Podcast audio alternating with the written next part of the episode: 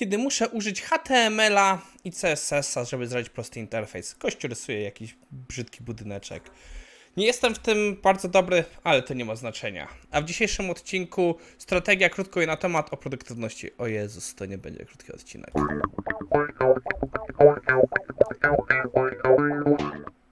Cześć, nazywam się Maciej Wyrodek, a to jest odcinek na Dzień Dziecka i jestem prawie pewien, że nie zajmie 10 minut, bo mam za dużo powiedzenia o tych artykułach. Więc żeby nie prze przesadzać, zaczynamy. Naszym pierwszym tematem jest yy, Zimazana, Zimzana 35-słowowa strategia automatyzacji testów. I powiem szczerze, czym dalej w ten artykuł, tym gorzej. O co chodzi? Autor zaczyna od tego, że został gdzieś poproszony o to, żeby przygotować dla rządu jakąś strategię testów i przygotował coś takiego za darmo. napisz przynajmniej jeden test end-to-endowy, automatyczny test end-to-endowy do, każdego, do każdej user story, story, do tego do regresji, odpalaj regresję dziennie i trzymaj, żeby było aktualne, e, zaczynając od pierwszego dnia i każdego dnia. strategia Mam dylemat, bo przyznam się szczerze, zgadzam się z wszystkim, co tutaj napisał autor, ale nie jestem pewien, czy to jest strategia. Jestem w stanie się zgodzić, jeśli by miało być to podsumowanie strategii, jakoś takiego, nawet, nawet w przypadku one-pagera brakuje mi tutaj parę informacji, bo są takie rzeczy, które gdzieś w strategii powinny się przewinąć, czyli e, kto utrzymuje tę strategię, kto utrzymuje to ważności, kto, e, jaki jest flow i tak dalej z czego korzystamy. Dużo więcej informacji, moim zdaniem, powinna pokrywać strategia ale z esencją tego się zgadzam. Nie jestem pewien, że to jest strategia. Bardziej bym powiedział, że to może być cel? No, by się w stanie stwierdzić, że to może być cel, że to jest po prostu cel, jeśli mam jakiś spisany, to jestem bliżej temu niż jakiejś strategii. Widzę tego wartość, ale właśnie mam problem. Problem się zaczyna bardziej, gdy wejdziemy głębiej w artykuł, bo na początku, gdy autor wyjaśnia te znaczenia, ogólnie tutaj nie mam co z nim dyskutować, bo widzę wszystkie jego względy. Natomiast jak już wchodzimy w drugą część artykułu, czyli e, już o różnych tutaj dylematach, zaczyna się ciekawiej. No, jeszcze dlaczego ta strategia działa, tu nie mam aż dużo do powiedzenia. E, pewnymi rzeczami się zaczynam nie zgadzać, ale chcę skoncentrować się na najważniejszych rzeczach. Następnie wchodzimy e, w dyskusję na temat e, automatyzacji i tu autor robi się już bardziej ciekawy. Po pierwsze, w pewnym momencie zaczyna mówić, że musimy zakazać używania recorderów, czyli record and play, bo on do autogenerowania testów. I tu się kompletnie z nim nie zgadzam. Z moim zdaniem te narzędzia są już w dobrym stanie wiele rzeczy są w stanie nam rozwiązać. Może nie wszystko, ale jeśli nie mamy naszych testów i mamy bardzo zmienną aplikację, no to jak najbardziej e, jest to opcja, która nam dużo rozwiąże, która nam z dużą ilością rzeczy pomoże. E, kolejną rzeczą, którą autor mówi, to że zawsze powinniśmy korzystać z Page Object modela i też widzimy, że korzysta z Selenium, o czym za chwilę też będzie. E, I no, powiem szczerze, e, uważałbym z tym. Page Object Model jest super, ale nie jest rozwiązaniem każdej bolączki. E, Cypress na przykład za bardzo nie poleca korzystania z tego modelu, co uważam, że w zależności od tego, jak korzystamy z Cypressem, jest dobrą decyzją albo i złą. No, zależy sytuacja. autor mówi, żeby zakazać lub zezwolić używanie Gherkina. Ja nie jestem fanem Gherkina, no i się z nim zgadzam, że musi być jakaś spójność. Że musimy używać z darmowego open source narzędzia do automatyzacji. E, no okej, okay, zgadzam się, e, nie jestem na 100% pewien, widzę sytuację, to nie było wartościowe i tak dalej.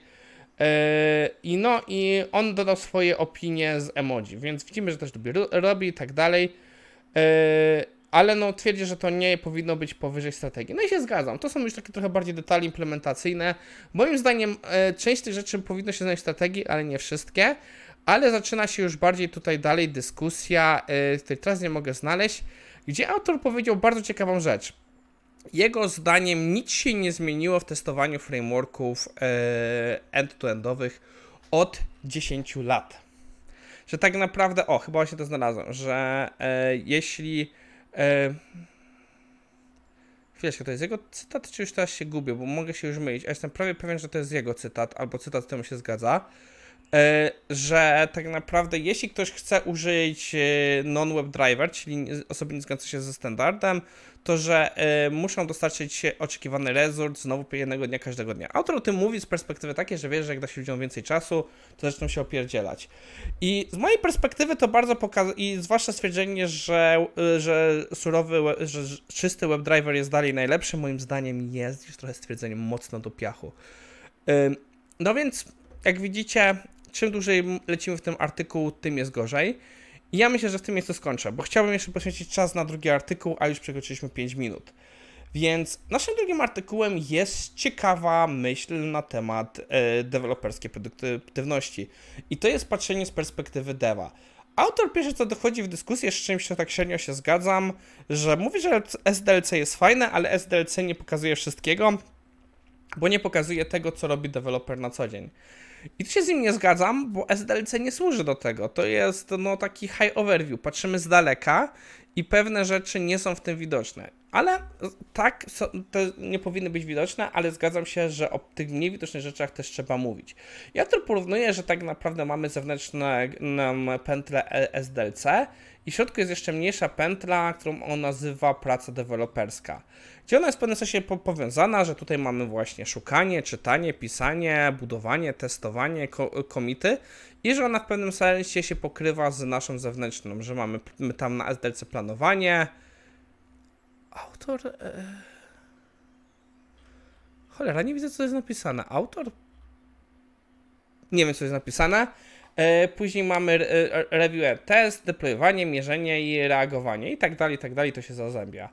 I to jest takie miejsce, e, które mi się zaczyna ciekawie, bo myślę, że to jest fajne takie powiązanie tych rzeczy.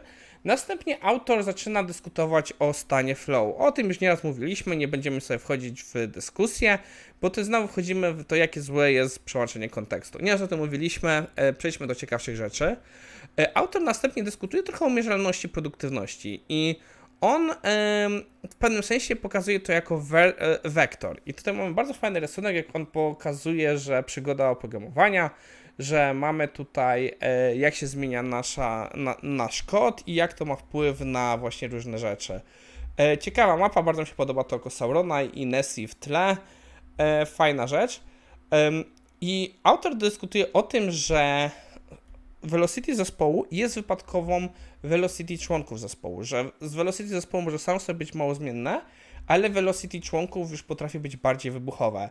I autor pokazuje to na przykładzie, że mamy osobę, która na przykład jest najbardziej produktywna na początku sprintu, mamy osobę, która jest produktywna najbardziej w końcu sprintu i mamy osobę produktywną w środku sprintu i tak naprawdę to wszystko sumuje się do takiego w miarę stabilnego dostarczania.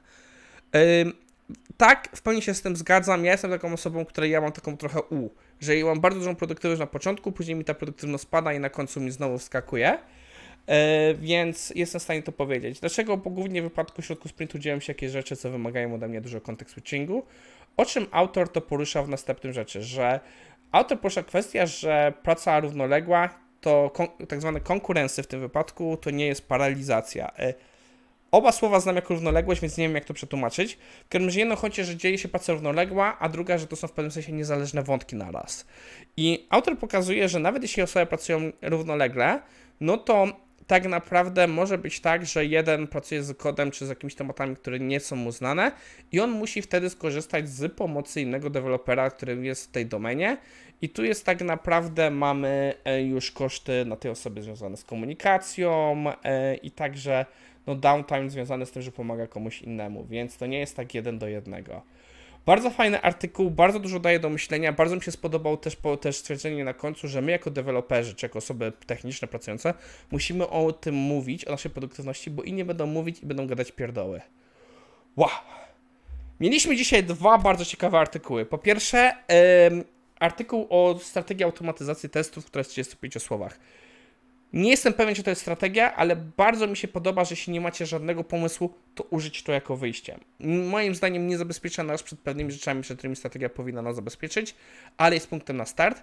I naszym drugim artykułem była długa dyskusja wielopowątkowa na temat e, strategii automatyzacji testów na temat em, produktywności deweloperów z perspektywy deweloperów.